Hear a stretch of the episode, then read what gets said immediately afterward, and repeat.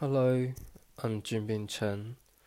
Uh, last time I was on the radio together with Waiting Bobby and Jackie, and we had some karaoke session, and we also talk about our life during pandemic, and yeah, it's quite funny because I think last time was like around half months to one month ago, I guess and uh, and then like last week I just finished my isolation because I got COVID.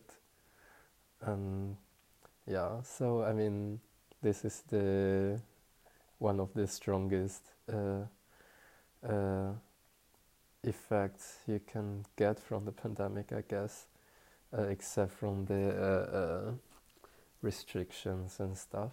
Yeah. So yeah, it was quite.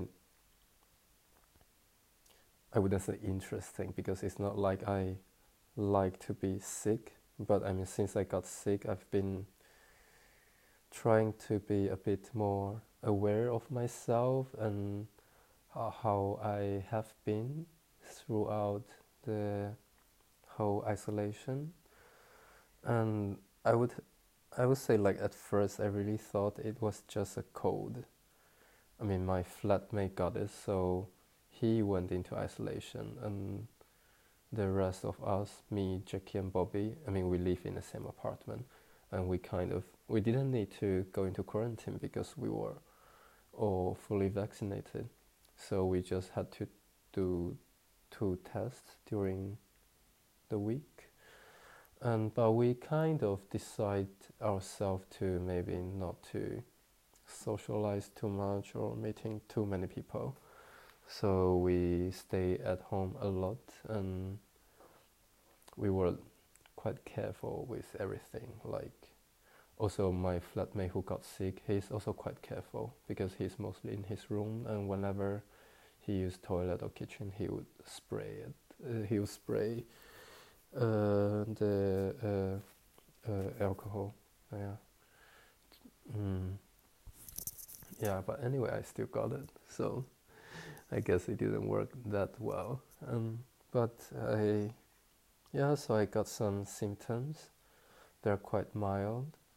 Uh, I mean, I had uh, at the very beginning. I think what I noticed is like I the time I was eating McDonald's, but then I feel like there are there were a lot of spit from my lung that I I feel like inside this uh, river floating or something like that. Yeah, it's like waves, and yeah, so I feel like there's something blocking my lung, but I have no trouble with breathing. Yeah, but just like I feel there's a layer of something there.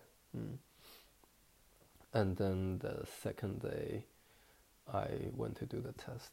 Yeah and also I had a slight I had I think I had slight some slight headache in the beginning. But except for this I I only have like uh, my nose my nose was totally blocked. Yeah. I mean it's quite similar with symptoms of uh, of a cold. So I really thought I just got a cold but it turned out to be COVID. Yeah. And during the isolation, I was not only just indoors in my room, but also like mostly just in bed, because whenever I stand up, uh, whenever I stood up, I would feel this very light headache. It's not very severe, but it's just sometimes a bit annoying to always have that. So I was just mostly in my bed all the time, and I think it's because of the uh, uh, pandemic. Most I was quite.